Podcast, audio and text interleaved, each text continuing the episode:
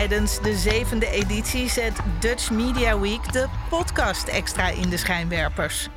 Samen met bekende en onbekende podcastmakers probeert het Mediafestival van Nederland om het wereldrecord podcast maken te vestigen.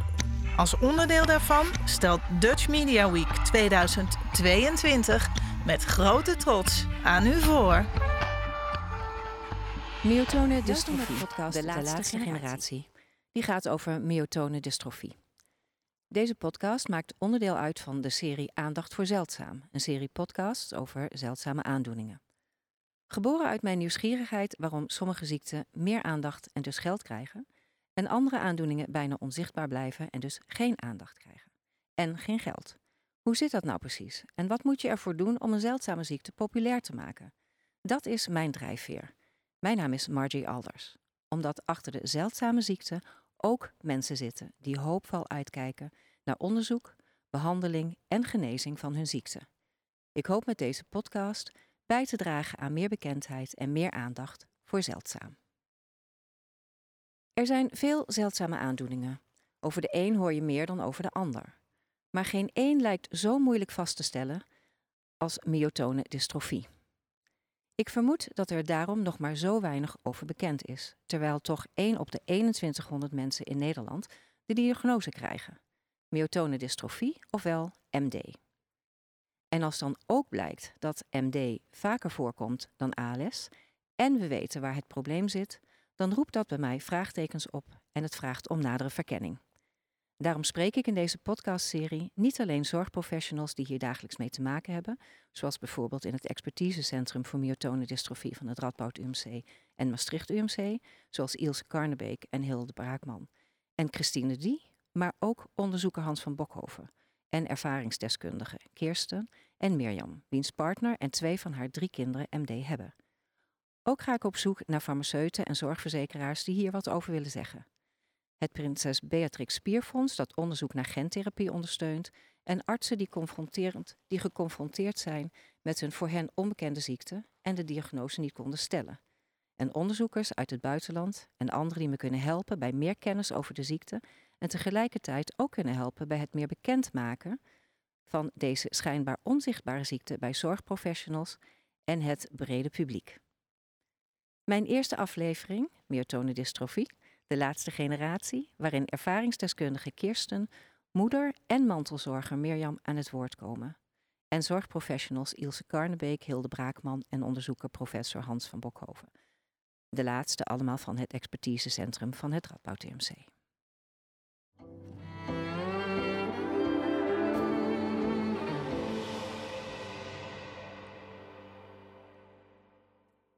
...27 jaar met de diagnose staar of zoals het deftige woord is, cataract. Kirsten van der Sluis is ervaringsdeskundige en heeft samen met partner Jorg de website MD Nederland opgezet. Ik kwam in contact met Kirsten door Myotone Dystrophy Awareness Day op 15 september jongstleden. Ik sprak Kirsten en vroeg haar of zij aan kan geven waarom het belangrijk is om meer aandacht te krijgen voor MD en wat de ziekte nou precies inhoudt. En uiteraard vroeg ik haar ook naar haar persoonlijke verhaal. Ik spreek met Kirsten van der Sluis, initiatiefnemer van MD.nl, over het belang van de aandacht voor deze ziekte. Goedemorgen, Martin. Ja, ja goedemorgen. Wij gaan het heel hebben over het belang van meer aandacht voor deze ziekte. Ja, ja heel graag. Zeker. Nou, uh, het begint denk ik bij mijn persoonlijke verhaal. Dat bij ons in de familie uh, in 2017 myotone dystrofie is ontdekt. Uh, dat begon bij mijn zusje. Myotone dystrofie is een erfelijke spierziekte. Um, dus toen de diagnose bij mijn zusje werd gesteld, werd al vrij snel duidelijk dat het via mijn vader in de familie terecht is gekomen. Dat mijn zusje het heeft, ik dat heb en ik het ook weer doorgegeven heb aan mijn, uh, aan mijn dochter. Uh, zonder dus te weten dat wij die uh, spierziekte in de familie droegen. En het wordt ook per generatie erger. Dus um, ik heb zelf een aantal klachten. een hele bekende klacht van, van is dat je op jonge leeftijd staar kan krijgen. Dat heb ik zelf ook gehad op 27-jarige leeftijd. Dus dat was nog voordat ja. ik kinderen heb gekregen.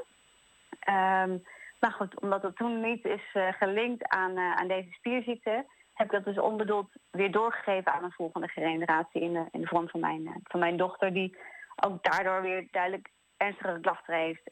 dat zie je in spierkracht. Maar myotonedystrophie uit zich op heel veel verschillende gebieden. Zij heeft ook cognitieve last van, van MD. ook in de spraaktaalontwikkeling zie je het terug. Dus ja, het wordt, wordt, per generatie wordt het erger. En dat is natuurlijk heel erg zonde. Want het is niet nodig. Ja, want we weten wel waar het vandaan komt, hè? Zeker. En dat is denk ik een heel belangrijk verschil met veel verschillende andere spierziekten... is dat het heel duidelijk is waar, waar, het, waar het fout gaat eigenlijk. Hè? Dus in gen 19, uh, eh, nou, mooi, normaal heb je mooi twee stukjes ervan. Hè? Eentje van je vader en eentje van je moeder. Bij myotonistrophie wordt dat gen wordt te lang. En uh, doordat het gen te lang wordt, blijven er eiwitten aan hangen... waardoor de, ja, het functioneren eigenlijk door je hele lichaam minder goed gaat. Um, ja, ze weten precies waar het fout gaat. Ja. Um, maar uh, de, ja, ze zijn nog niet bij, uh, bij een plek dat er een medicijn is. Dus de progressiviteit zit bij per generaties, maar ook bij de personen zelf. Ja. Dus ja. En um, jij zei ook al van, goh, als we geweten hadden eerder um, dat dat bestond en dat we het hadden en dat je daarnaar moet kijken, dan had ja. misschien jouw staar ook wel een, um, een seintje kunnen zijn, als staar op jongere leeftijd kunnen zijn, van goh, misschien is er meer aan de hand dan alleen dat staar. Zeker, zeker. Want het is een hele. Eh, ik was 27, nou, dat is een, een uh, absurde leeftijd voor, uh, voor staar. En uh, ja, dan had ik, hadden we keuzes kunnen maken. Hè. Dus binnen het gezin, um, binnen de gezin van mijn uh, zus. Hè, dan hadden we veel eerder actie kunnen ondernemen. En het is ook heel belangrijk niet alleen dat je het weet qua, uh, qua volgende generatie, maar ook voor jezelf. Hè? Dus ik ben bijvoorbeeld onder controle van een cardioloog. Want hartklachten, hartfalen is een belangrijke doodsoorzaak binnen, binnen MD. Ja, en dat is natuurlijk heel belangrijk dat je dat jaarlijks uh, basis controleert of het allemaal nog wel, of de geleiding allemaal nog wel goed gaat. Dus ook voor mensen die um, geen kinderwens hebben of geen kinderen hebben, is het heel belangrijk dat ze de diagnose, uh, dat die diagnose duidelijk is, dat ze zichzelf kunnen, ja, uh, kunnen laten controleren door bijvoorbeeld een cardioloog, een, long, een, een longarts, et cetera. Ja, en jouw arts destijds misschien, of je huisarts of specialist met dat staar, had hij misschien ook wel zeg maar die combinatie bij elkaar kunnen bedenken als hij daar iets alerter op was geweest of als hij het überhaupt had geweten? Ja, dat denk ik precies wat jij zei in het begin ook. Hè. Dus de bekendheid is zo laag van myogenic dystrofie. Wat, wat eigenlijk absurd is als je bedenkt dat 1 op de 2100 mensen het heeft. Ja. Dat komt ook omdat hè, zodra één iemand, bij één iemand duidelijk is, dan zie je eigenlijk al dat als een olievlek verspreid is binnen de familie. Uh, dus in, mijn eigen familie, uh, mijn vader, mijn opa, mijn zus, ikzelf, mijn dochter. Hè, het zijn al vijf mensen in één keer die dan in één keer een diagnose ja. krijgen. Ja, en mijn huisarts ja, die had daar geen acht op geslagen. Maar ik ben uiteindelijk geholpen in een uh, academisch ziekenhuis aan mijn staar. En daar is natuurlijk wel de vraag opgeroepen door, door mij en door mijn ouders. Hoe kan dat nou, hè, dat ik mijn 27 staar heb? En dat werd een beetje afgedaan als ja, dat kan gebeuren. Um, terwijl, je, ja, terwijl het eigenlijk heel belangrijk is dat mensen op dat moment... dat er ergens een lampje gaat branden van... goh, ja, is inderdaad wel heel erg raar. Uh, en het is een hele belangrijke indicator voor, uh, voor MD. Dus er had een uh, andere diagnose gesteld kunnen worden op dat moment. Hm. Ehm, ja, dus dat was, wel, dat was wel heel belangrijk zijn geweest, ja. Het is dus van het grootste belang dat zorgprofessionals, artsen, huisartsen, specialisten en anderen alert zijn op de symptomen die afwijken van wat normaal is, zoals bijvoorbeeld staar op jonge leeftijd. Aan het einde van deze aflevering komen we Kirsten nog een keer uh, tegen.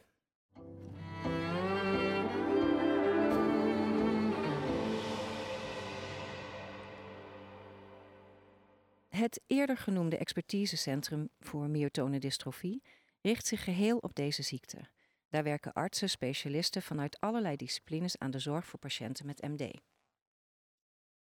Het Radboud UMC in Nijmegen en het Maastricht UMC hebben beide zo'n expertisecentrum en ze werken ook veel samen als het gaat om onderzoek.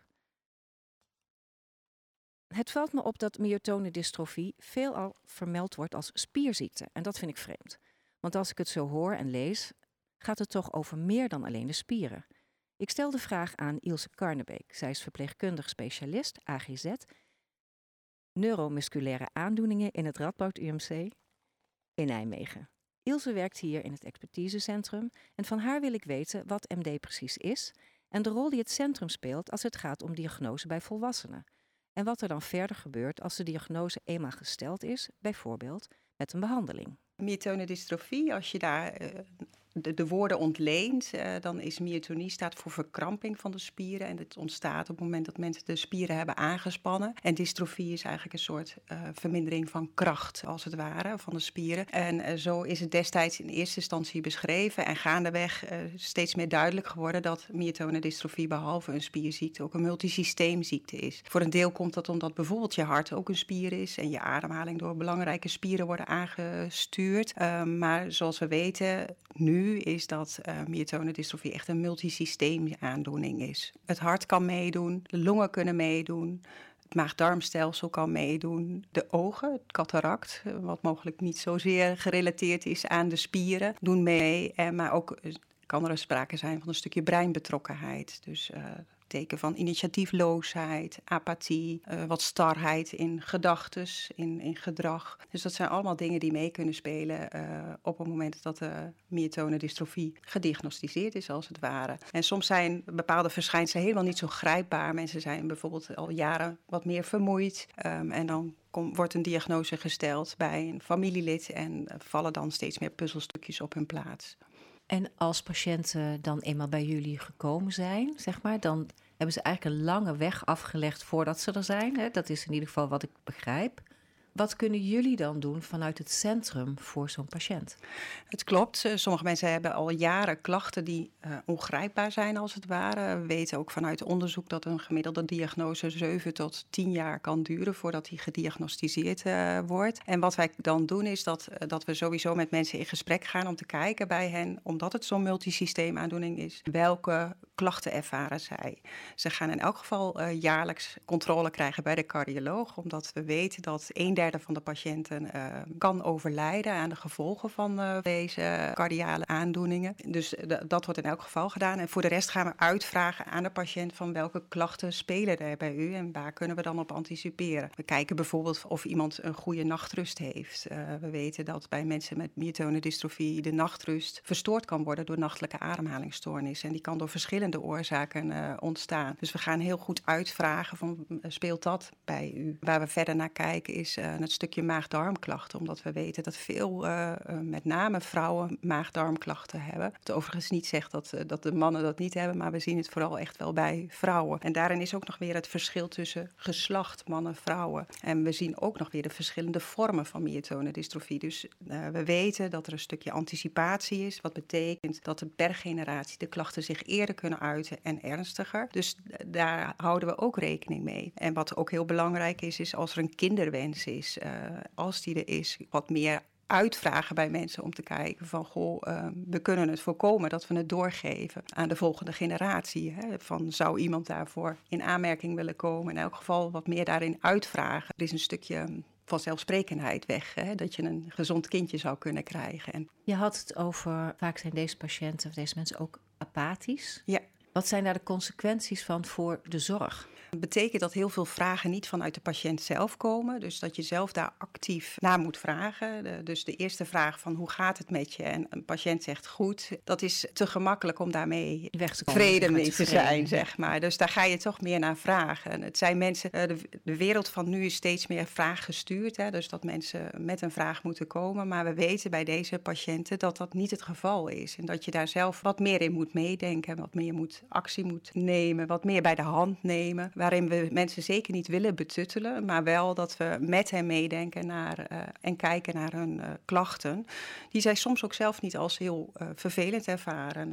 Um, bijvoorbeeld het, hart. Um, mensen ervaren soms geen klachten van hun hart en gaan naar de cardioloog en die ziet dan toch wel ernstige geleidingsstoornissen uh, of iets dergelijks. En dat kan symptoomloos zijn, dus je, je neemt ze wat meer bij de hand. En dan zijn ze in het centrum terechtgekomen. Ja. En dan is er vastgesteld waar de klachten zijn. Hoe zit het met een behandeling? Er is dus nog geen curatieve behandeling. De behandeling is met name gericht om ja, zo lang mogelijk uh, gezond te blijven, als het ware. Dat, uh, daar willen we zeker dan ook uh, bij meehelpen. Dus dat betekent jaarlijks naar de cardioloog. In elk geval proberen ook jaarlijks een afspraak bij ons minimaal te hebben. Om met mensen mee te denken in dat soort zaken. Een revalidatiearts kan zeker ook bijdragen in het stukje welbevinden. in het vinden van oplossingen voor mensen waar ze tegenaan lopen. Bijvoorbeeld um, als het lopen minder gaat dat ze bepaalde loopondersteuning krijgen. Maar ook bij het stukje werk bijvoorbeeld. Werk is natuurlijk heel belangrijk voor mensen. Van hoe ondersteun je mensen zo lang mogelijk in hun baan uh, vol te kunnen houden. Uh.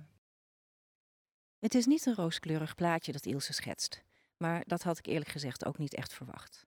Ik wilde nog wel even weten iets over de levensverwachting. Dat is heel moeilijk te zeggen, omdat het heel erg afhankelijk is van het type dat je hebt. Hè. Um, uh, heb je een milde vorm, dan um, is de levensverwachting eigenlijk dat iemand net zo oud wordt als uh, de gewone Nederlander, om het maar zo te zeggen. Maar heb je uh, een kindervorm uh, van myotone dystrofie, dan kan dat inderdaad wel een negatief effect hebben op je levensverwachting. Als daarbij hartproblemen meespelen of longproblemen meespelen of als mensen zich heel vaak verslikken, dan heeft dat allemaal een negatief effect op hun levensverwachting. Ja.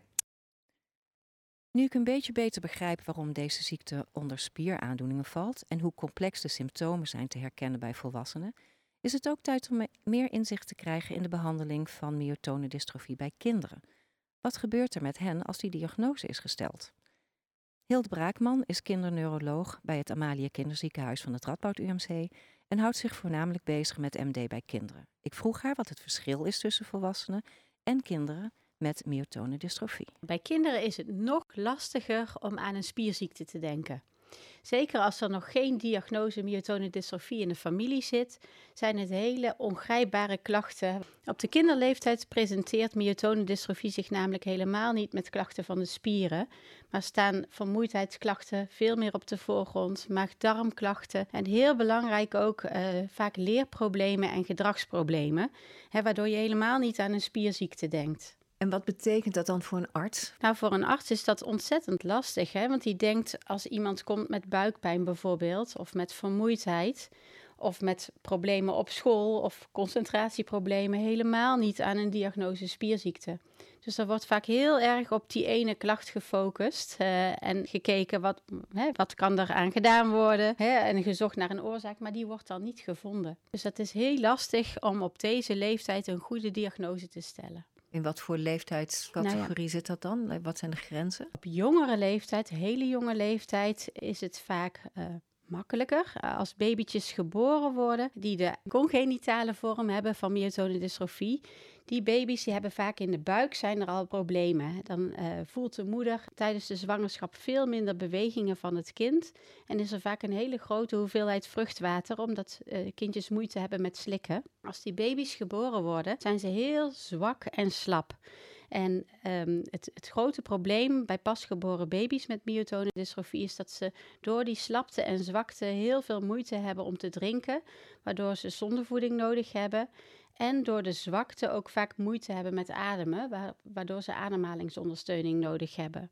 als er zo'n babytje wordt geboren, dan, dan ga je puzzelen en dan kom je al uh, ja, toch al wel wat makkelijker bij de diagnose myotonedystrofie vanwege die ernstige klachten. Maar als de, als de klachten pas op iets latere leeftijd ontstaan, dat wil zeggen na de leeftijd van een jaar, dan zijn die klachten niet zozeer de zwakte en de slapte, maar veel meer de, de leerproblemen, de gedragsproblemen, de vermoeidheid, de maag-darmklachten. En dan is het ontzettend lastig om een goede diagnose te stellen als dit nog geen familieverhaal is.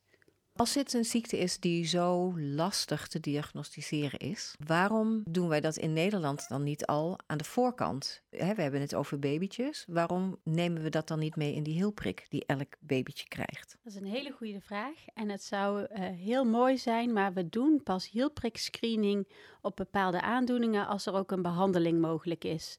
En voor myotonedystrofie is er op dit moment nog geen curatieve behandeling mogelijk. Wat we heel graag zouden willen is dat we op vaste leeftijden uh, een onderzoek doen om te kijken hoe het met het leren en het gedrag gaat.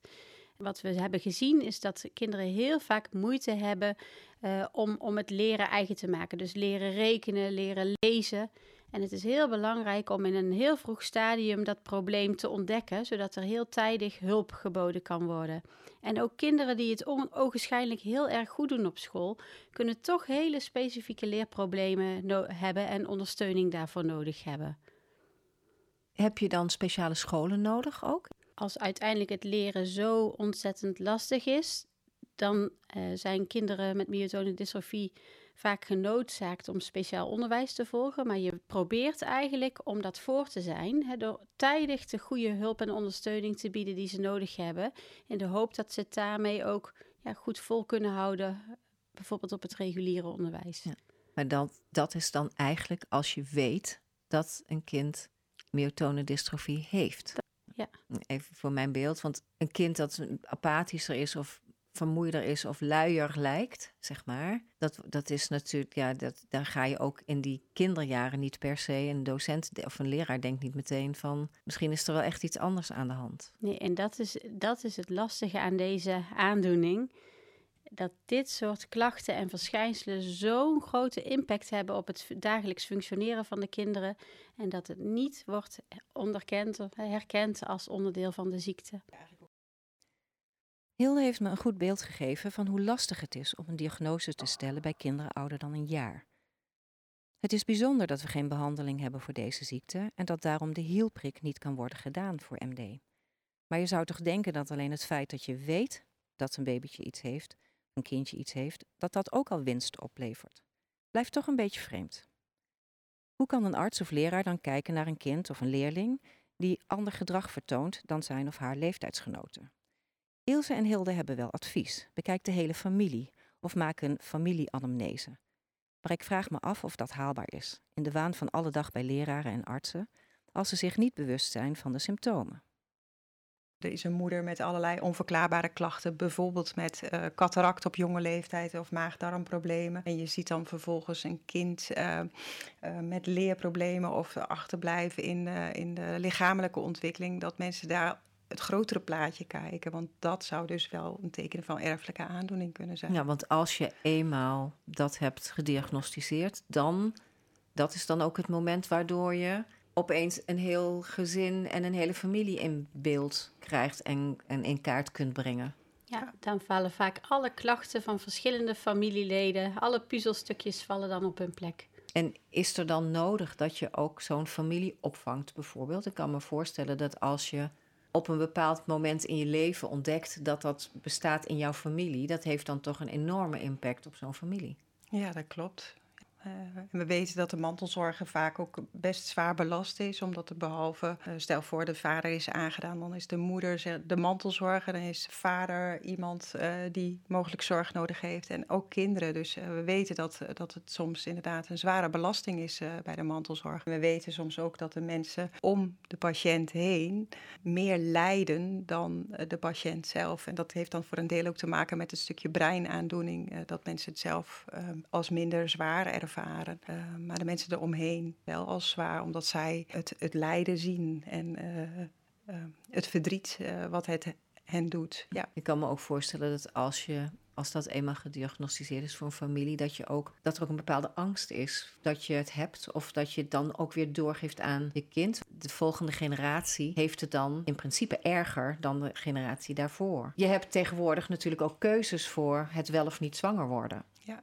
En zeker in zo'n geval lijkt het me ook best moeilijk. Vaak als zo'n jong babytje geboren wordt, uh, waarbij de diagnose wordt gesteld en blijkt dat een van de ouders, vaak de moeder, de diagnose ook heeft, voelt moeder zich vaak heel erg schuldig. Maar die wist van tevoren ook niet dat ze ziek was. Ja, dat heeft natuurlijk enorme impact. Ja, je, je, merkt dat er een schuldgevoel is naar kinderen, wat soms niet altijd voorkomen had kunnen worden, maar ook richting kleinkinderen dan inderdaad ook nog weer. En met name ook doordat die ziekte erger wordt per generatie en ze dan ook het verdriet zien wat het bij hun kinderen weer doet, dat het kleinkinderen zijn aangedaan. Ja, ja. Duidelijk advies dus om naar het grotere plaatje te kijken, maar ook schuldgevoel speelt een rol. Het is duidelijk dat dit een ziekte is die op alle gebieden veel verdriet veroorzaakt. Het zou geweldig zijn als meer artsen zich bewust zijn van de symptomen die een aanwijzing kunnen zijn voor myotonedystrofie en daarmee een vroegere diagnose. Ilse ziet hierin ook een grote rol voor het expertisecentrum. Meer bekendheid over de ziekte zou enorm helpen om eerder de, de diagnose te kunnen stellen. Dus spread the word. Maar je gaat het pas zien als je het weet. Johan Cruijff, geloof ik. Uh, dus ik denk dat wij als expertisecentra daar zeker ook een soort van uh, boodschap in moeten uitdragen naar andere zorgverleners. Uh, om, om mensen daar bewust van te maken dat staren op jonge leeftijd een uiting kan zijn van myotone dystrofie. Daarnaast willen Hilde en Ilse andere artsen vragen om ook alerter te zijn op de symptomen die kunnen wijzen op MD. Door bijvoorbeeld niet alleen te kijken naar het patiënt, maar ook naar diens omgeving, broers, ouders, kinderen. Nou, wat wij als centrum fijn zouden vinden is dat bijvoorbeeld de oogarts ook naar andere uh, klachten kijkt dan bijvoorbeeld de ogen. Bijvoorbeeld naar vermoeidheid, bijvoorbeeld naar maagdarmklachten, bijvoorbeeld naar verminderde kracht in de handen. Zaken die misschien dan niet zo uh, uitgesproken zijn, maar die wel voor, bij het totale plaatje zouden kunnen passen. Hè? Dus dat er breder wordt gekeken, wat meer naar de mensen als geheel wordt gekeken. Hetzelfde geldt als de, uh, voor de cardioloog. Die moet ook niet alleen maar kijken naar mensen met hartritmestoornissen, maar ook naar al die andere klachten. En voor de maag-darm-leverarts met, met mensen met veel buikpijnklachten, kijk verder, want het hele familieverhaal zorgt uiteindelijk voor de oplossing.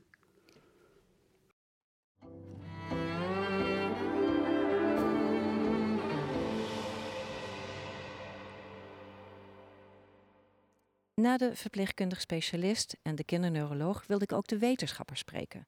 Want hoe zit dat nou met onderzoek naar deze ziekte? Naar geneesmiddelen, behandeling en genezing.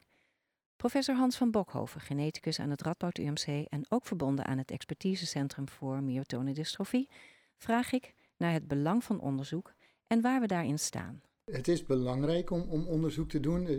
Het is een ziekte die weinig bekend is. Nou, dat is volledig ten onrechte. Het is een vaak voorkomende genetische aandoening.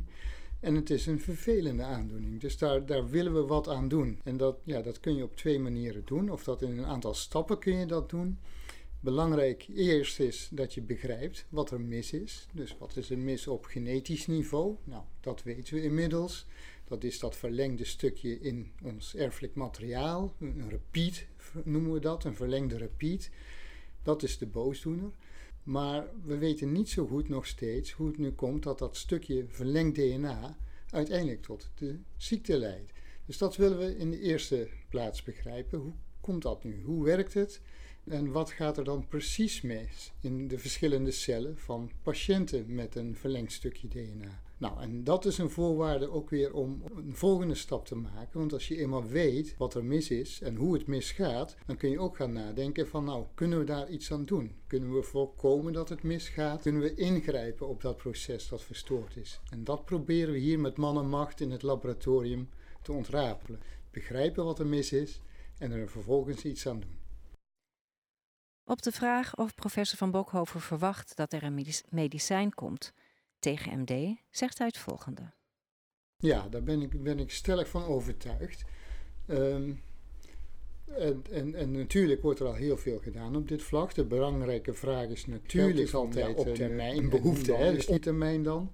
Nou, dat, dat zal nog wel enige tijd duren, nog, nog vele jaren, daar moeten we eerlijk in zijn. Tegelijkertijd moeten we constateren dat er al heel veel, heel veel gedaan is en ook al heel veel progressie gemaakt is. Dus er zijn zeker stappen die, die, en, en, en onderzoeken die, nou, die kansrijk zijn en die uiteindelijk tot een verbetering uh, voor, voor de, van de ziekte kunnen leiden bij de patiënt. Verbetering in de zin dat het, dat het proces van van de aandoening, de verslechtering die je ziet bij patiënten, dat dat tot staan gebracht wordt of misschien zelfs een beetje verbeterd wordt. Nou, dat zou enorm, enorm goed zijn als we dat voor elkaar krijgen. En ik ben ervan overtuigd dat we dat voor elkaar krijgen. Anderen doen dat, maar wij doen het ook. En iedereen heeft zo zijn eigen manier om dit te gaan doen. En, uh, en nou ja, wij hebben een aantal ideeën die we, die we aan het uitwerken zijn daarvoor. En natuurlijk is voor elk onderzoek geld nodig. En hoe komt professor Van Bokhoven en zijn team aan fondsen voor onderzoek? Geld is altijd een, eh, een behoefte. Hè? Onderzoek is duur en tijdrovend. Dus daar, daar zijn veel mensen bij betrokken. Ook hier in Nijmegen zijn we met veel mensen betrokken bij dit onderzoek. Want ja, het is altijd een samenspel van artsen, van, van mensen uit de verpleging, van mensen die de verschillende ziektekenmerken uh, bestuderen van deze aandoening, maar ook laboratoriumspecialisten en heel veel verschillende specialismen, celbiologen, genetici zoals ik en moleculair biologen. Dus het is een, een hele grote groep mensen, veel mensen, veel handen, veel hersens ook, die dit allemaal, allemaal voor elkaar moeten krijgen. En ook, ja, en ook natuurlijk het, het laboratoriumonderzoek zelf is enorm kostbaar. Wij zijn ontzettend blij dat het Prinses Beatrix Fonds het onderzoek naar spierziekten financiert. Dat doen ze ja, met, een, met een goede visie, duidelijke visie. En ze vinden ook myotone dystrofie een, een belangrijke ziekte die aangepakt moet worden. En uh, we zijn ontzettend blij dat we gesteund worden in ons onderzoek door het Prinses Beatrix Spierfonds. Uh, we doen, ja, dankzij die steun zijn we echt op zoek naar ja, celtherapie, gentherapie, strategieën om uiteindelijk ja, in te kunnen zetten. Uh, ook als, als bij mensen, maar zover zijn we nog niet hoor. Um, maar ja, het Prinses Beatrix Fonds heeft, heeft middelen die natuurlijk ook niet oneindig zijn. En uh, ja, we willen altijd meer en we willen altijd sneller. En, en natuurlijk willen de patiënten zelf ook dat het allemaal sneller gaat. Ja, dan, dan kun je zeggen, ja, is, is geld een belemmerende factor? Ja, met meer geld kunnen we sneller opereren natuurlijk. Maar ja, dat, dat, dat hebben we wel nodig. Ja, Onderzoek en therapie en medicijnontwikkelingen zijn naast uh, fondsen natuurlijk um, afhankelijk van investeringen ook. Dus welke kansen liggen er voor de ontwikkeling hiervan volgens professor Van Bokhoven? U vroeg net over geld. Nou, we zijn, dat wil, willen we graag. Uiteraard zijn, is ook de, de farmacologische industrie met, met dit type onderzoek bezig. We hebben de diagnose maar van mijn... Er is, ja, er is zeker behoefte aan, aan verschillende richtingen waarin je probeert een therapie op de kaart te zetten. En daar zijn we ook druk mee bezig. Prinses Beatrix Fonds steunt ons gelukkig, maar, maar er is altijd meer nodig. Om, om te zien of ons idee inderdaad aanspreekt en of dat ook voor, voor investeerders en uiteindelijk farmacologische industrie een interessante richting is om, uh, om, om verder te ontwikkelen. En nou ja, wij denken van wel. Wij zijn natuurlijk heel erg enthousiast en, uh, over ons eigen onderzoek. En wij denken ook dat het, dat het weer een unieke bijdrage kan geven richting een therapie. Anders dan wat al een ontwikkeling is. En, en ja, wij denken ook dat het uh, mooie kansen biedt. Ook voor de farmacologische industrie in Nederland of daarbuiten.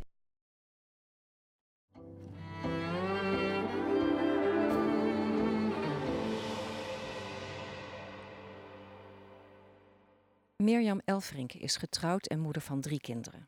Twee van haar kinderen hebben myotone dystrofie. Sterre, de oudste, en Ingmar, de jongste. Marijn, het middelste meisje, heeft geen uh, myotone dystrofie. Hoe het voor Mirjam is als ouder om erachter te komen dat je oudste kind MD heeft en later ook je jongste kind, en wat dat voor impact heeft op haar, het leven van haar gezin en haar familie, dat vertelt ze zelf. We hebben de diagnose van mijn oudste dochter twaalf jaar geleden uh, gekregen. Toen was zij zes jaar, ze is inmiddels 18. En uh, dat was eigenlijk na een lange zoektocht van al jaren. Eigenlijk, uh, want ze was onze oudste, maar als baby had ze al allerlei dingetjes. Dat wij dachten, ja, het is niet goed, maar wat is het dan? Hè? Um, nou ja, ze kon niet goed drinken uit de borst bijvoorbeeld. En ze had een voorkeurshouding. Ze ging later niet gelijk of, um, kruipen, maar op haar billen schuiven en pas heel laat lopen. Ja, toen bleek ze ook heupluxatie te hebben en allerlei operaties heeft ze gehad. Maar pas toen ze zes was, um, is die diagnose eigenlijk gekomen. Uh, en die zijn we op het spoor gekomen omdat er zeg maar klinisch genetici waren aan de VU in Amsterdam. En die waren ja, heel keen. Die, uh, die vroegen, komt er sta voor in jullie familie? Nou, dat wisten wij niet, want tot dat moment was het eigenlijk niet bekend. Maar op een gegeven moment bleek dat er um, in de familie de staar voorkwam. Uh, bij de, de uh, broer van mijn man op jonge leeftijd en bij een paar van hun nichtjes. En uh, zo zijn ze op het spoor gekomen van myotone dystrofie. Nou ja, en eigenlijk is het zo, ja, op het moment dat je die diagnose krijgt, dan krijg je dus niet één persoon in, maar dan gaat het echt als een sneeuwbal door de familie. Dan blijkt de halve familie blijkt dat dan te hebben. Nou, in dit geval dus van de kant van mijn man. En uh, die gelukkig zelf uh, nauwelijks klachten heeft. Maar um, ja, dat was wel heel heftig. En inmiddels zijn we twaalf jaar verder en we kregen de diagnose, het is een spierziekte. Maar eigenlijk zijn we daardoor best wel op het verkeerde been gezet. Want wat blijkt, het is eigenlijk veel meer, ja, het is een multisysteemziekte. Dus allerlei organen kunnen worden aangetast. En bij kinderen uh, staan ook leer- en gedachtsproblemen op de voorgrond. En sociaal-emotioneel uh, ja, zijn het hele kwetsbare kinderen eigenlijk. Want, want ja, ze hebben best wel last van initiatiefarmoede. ze kunnen niet zo snel omschakelen. Dus ja, je moet eigenlijk altijd wel voor ze opkomen en ze daarbij helpen. En ja, nou, dat is natuurlijk best wel zwaar, dat kunnen je misschien wel voorstellen. Ehm, want we hebben drie kinderen, één gezonde. zeg maar een meisje nog tussen die twee in. die of tenminste, ik heb nog niet verteld, maar onze jongste zoon, dat weten we sinds een paar jaar pas, dat hij ook uh, myotone dystrofie heeft. Die is nu net 14 geworden. En we hebben dus nog een meisje van 16. En die is, heeft het niet, gelukkig. Maar goed, dat heeft natuurlijk wel een impact, ook voor haar. Hè? Ook voor, voor zeg maar, een meisje wat gezond is is het best wel heftig om een broer en zus te hebben met deze aandoening. En hoe is dat voor hen en voor jou? Ze gaan naar school? Onze um, oudste dochter is al vrij snel uh, naar de kleutergroep, zeg maar, naar het speciaal onderwijs gegaan. En naar speciaal vervolgonderwijs en heeft praktijkonderwijs gedaan. En zij is ook lichtelijk verstandelijk beperkt door deze aandoening. En uh, ja, het is wel een heel vrolijk kind en een ontzettend lief kind. Dus ja, ze doet eigenlijk alles wat ze doet wel met veel plezier. Ze, ze loopt nu mee, of ze werkt ja, in, de, in de kinderopvang. Mag ze meehelpen uh, en in een bakkerijtje. Nou, ze werkt met paarden en vindt ze allemaal hartstikke leuk. Nou, en onze jongste zoon die heeft wel zeg maar, het normale um, basisonderwijs gedaan tot en met groep 8. Maar die zit dus nu ook op speciaal onderwijs. Die zit wel op een ander niveau. VMBO, T. Cognitief is die best wel uh, nog goed. Alleen ja, de vermoeidheid en de andere dingen waar hij last van heeft bijvoorbeeld ook een bekend uh, iets bij deze aandoening is zeg maar het plannen en organiseren en dingen structureren. Ja, dat kan niet heel moeilijk. En dat speelt hem dus wel parten daarbij. Dus ja, daar heeft hij veel hulp bij nodig. Ja, dus je bent eigenlijk, zeg maar, deze twee kinderen, ja, die moeten heel erg worden aangestuurd met alles. Ze kunnen ook veel makkelijk dingen vergeten en uh, ja, hebben wat minder, oh ja, best wel minder overzicht dan, uh, ja, nou, zeg maar, mensen die daar geen last van hebben. Ja. Dus in de dagelijkse praktijk werkt dat wel heel erg door. En je hebt gewoon ook een, een team van gespecialiseerde hulpverleners zeg maar, om ons heen. dus dus nou ja, van de oogarts tot de hartspecialist, tot de revalidatiearts, van de logopediste tot de fysiotherapeut, tot de ergotherapeut, noem maar op. want er zijn gewoon, ja, zo ongeveer alles in je lichaam doet mee aan deze aandoening. Ja, want zeg maar, jij je vertelde dat ze aanvankelijk gezegd hadden: het is een spierziekte. Ja. En gaandeweg, nu ben je ook wel. Um, is het voor jou duidelijk dat het niet alleen dat is, maar ook andere um, ja, multisysteemziekten noemde, noemde jij het volgens mij ook. En volgens mij heeft zij ja. Ilse daar, dat ook van eerder. Um, het eigenlijk doet je hele lichaam mee, eigenlijk wat jij zei. Het, het, het ja. Goed gezegd dan in die zin, ja. Ja, dus eigenlijk allerlei organen die kunnen ook worden aangetast. En het, ja, het, het tragische van deze ziekte is eigenlijk dat het per generatie erger wordt. Wij wisten ook nooit in de familie eh, dat dit speelde, zeg maar. Het is een erfelijke aandoening. Maar ja, het is dus eigenlijk uh, via mijn schoonfamilie gekomen. Mijn uh, man en zwager hebben nooit klachten gehad. Ja, die hebben allebei nou ja, goed kunnen studeren aan de universiteit. heel sportief. Ja, ook nooit klachten daarin gehad. Alleen dus mijn zwager wel op latere leeftijd. En dat is nu ook best wel heftig, want die heeft al, ja, nou goed, zijn hart uh, is al best wel uh, aangetast en ook zijn longfunctie. Ja, is natuurlijk echt terug om te zien.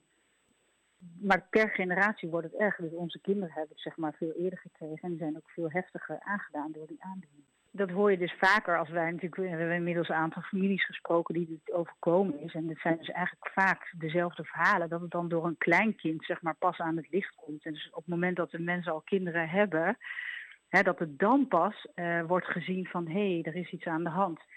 En dat is natuurlijk wel ja, echt ja, heel jammer. Wij zouden wel, ja, ik, vraag me wel eens af van zouden artsen niet beter moeten kijken. Hè? Bijvoorbeeld de diagnose uh, staar als je die op hele jonge leeftijd krijgt. Hè, er was bijvoorbeeld in onze familie een nichtje, die was 26, die kreeg staar. Nou, dat zou eigenlijk een soort alarmbel moeten zijn. Hè, van, uh, en mijn zwager kreeg ook op zijn 40ste staar. Dat is echt veel te jong. En vaak zijn het dan van die op zichzelf staande dingen. Althans, artsen zeggen dan, ja, het zijn allemaal dingen die op zichzelf staan. We zien daar niet gelijk een geheel in. Maar ja, misschien zou daar nog wel veel meer aandacht voor moeten zijn, ook bij artsen, zeg maar. Want nou ja, dit is wel zeg maar een soort van uh, red flag. Als er iemand staar heeft, dan moeten we toch verder gaan kijken dat er misschien meer aan de hand is. Wat, hoe zie jij de toekomst? Ja, nou daar proberen we niet te veel over na te denken. Hè. We proberen echt wel te genieten van de, van de ja, van alle dagen die we hebben en alle mooie dagen die we hebben. Dus we hè, niet te veel na te denken over hoe de toekomst eruit zal zien. Um, ja, omdat gewoon nu zijn ze allemaal relatief goed. Hè? En uh, proberen we zoveel mogelijk uit te halen. En we zeggen als tegen elkaar, nou ja, goed, we zien het maar als een extra opdracht in het leven om uh, ja, onze kinderen zo goed mogelijk een mooie jeugd te bezorgen.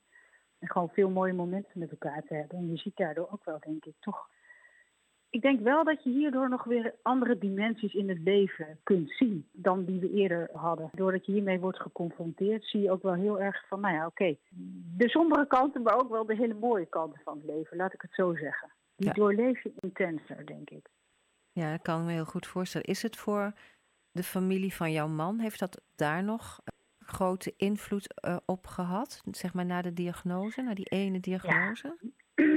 zeker, zeker. Want dat is natuurlijk als een sneeuwbal verder rondgegaan. En wat zie je dan eigenlijk in families? En dat is natuurlijk heel moeilijk. Want wij waren al wat verder in het proces. Hè?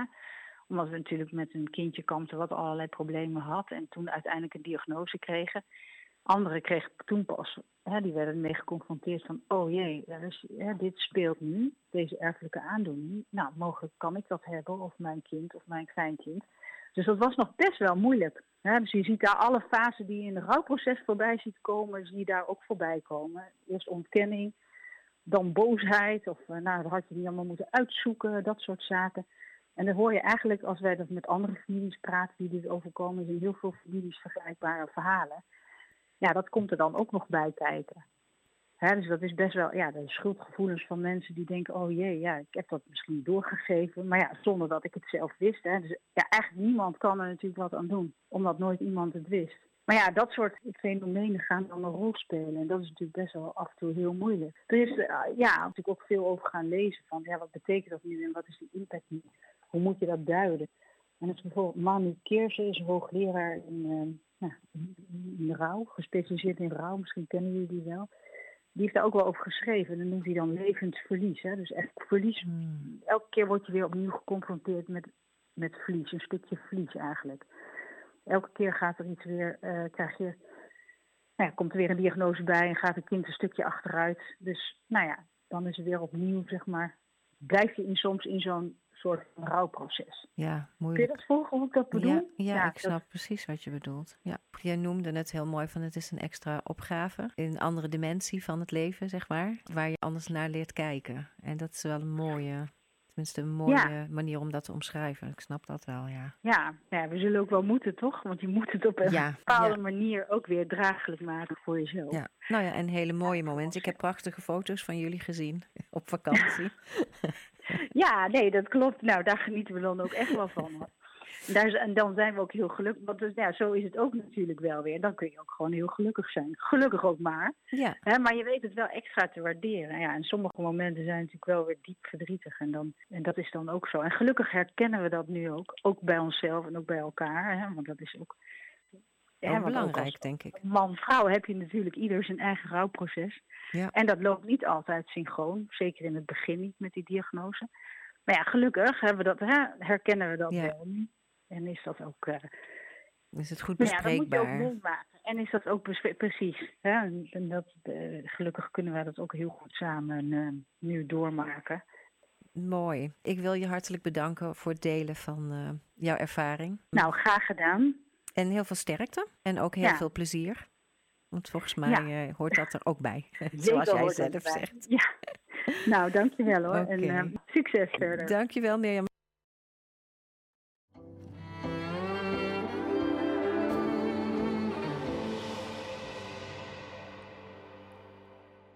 We zijn aan het einde gekomen van deze aflevering van myotone dystrofie, de laatste generatie.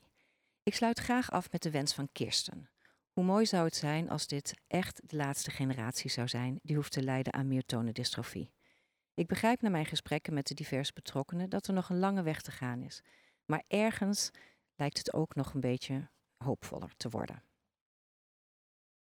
Mijn wens is dat er veel meer bekendheid wordt, uh, komt voor MD. Om, om een aantal redenen. Allereerst, het duurt nu gemiddeld tien jaar voordat mensen de juiste diagnose krijgen. Symptomen zijn heel breed. Hè? Dus zijn maag-darmklachten, vermoeidheid, staar, spierverkramping in de handen vooral, de myotonen. Ehm, nou, dus er zijn heel veel verschillende aspecten daarvan. Dat maakt het lastig, waardoor het lang duurt voordat mensen op de juiste manier gediagnosticeerd worden. Uh, en het is al wijd verspreid in de familie. Dus voor mensen zelf, voor hun eigen gezondheid, voor het doorgeven aan de volgende generatie waar het erger wordt. Daarom is het belangrijk. Ten tweede is het heel belangrijk, omdat we zo goed weten waar het fout gaat, is een hele goede kans op een medicijn, wat er nu niet is. dus als er meer bekendheid is, uh, is er meer ruimte voor donaties, is er meer ruimte voor onderzoek. we hebben in, uh, in Nijmegen zit de top drie van, uh, in Nijmegen zit de top drie van de specialisten op het gebied van onderzoek naar MD. Dus we hebben heel veel kans. We hebben heel veel goede ontwikkelingen in, in onderzoek om te werken naar een medicijn. Dus dat is heel belangrijk. En als laatste, het feit dat het dus onbekend is, maar het eigenlijk om 1 op de 2100 mensen gaat, maakt het heel raar om te zeggen misschien economisch heel interessant voor farmaceuten om een daadwerkelijke medicijn op de markt te brengen. Dus niet alleen dat we een medicijn kunnen ontwikkelen, maar dat op de markt te brengen, dat het beschikbaar is voor, uh, voor alle patiënten. Dus dat zijn denk ik alle drie ja, hele concrete en hele, in mijn ogen, realistische redenen om, uh, uh, om harder te werken aan de, aan de bekendheid van, uh, van en dystrofie. Mooi, een mooie afsluiting van deze eerste aflevering lijkt me. Ik dank mijn gasten, Kirst van der Sluis, Ilse Karnebeek, Hilde Braakman, Hans van Bokhoven en Mirjam Everink. Voor hun tijd en verhelderende inzichten. Ik weet zelf meer van deze ziekte en hoop met deze podcastserie meer bekendheid te geven aan myotone dystrofie. Volgende keer spreek ik met andere betrokkenen, onder andere Basiel van Engelen, neuroloog bij het Radboud UMC, en hij heeft het over MD. En dan zegt hij de ideale bemoeizorg. Nou, wat bedoelt hij daar nou mee? En de voorzitter van het Prinses Beatrix Spierfonds. En hopelijk een farmaceut en een zorgverzekeraar over de mogelijkheden op korte en langere termijn als we het hebben over medicijn en behandeling. En natuurlijk niet te vergeten de kosten. Ik dank, u ook voor het, ik dank ook u voor het luisteren. Dit was de eerste van drie afleveringen van myotone dystrofie, de laatste generatie. Deze podcast maakt onderdeel uit van de serie Aandacht voor Zeldzaam, over zeldzame aandoeningen. De techniek van deze aflevering was in handen van Kevin en we hadden als gastvrouw Maaike vandaag en hen bedank ik ook. Deze uitzending is gemaakt als onderdeel van de wereldrecordpoging podcast maken tijdens de Dutch Media Week 2022. Ik dank de organisatie voor de gelegenheid om deel te kunnen nemen met deze podcast. Myotone dystrofie verdient alle aandacht, zelfs midden in de nacht. Je luistert naar de recordpoging podcast maken van Dutch Media Week 2022. Binnen enkele ogenblikken staat de volgende podcast voor je klaar.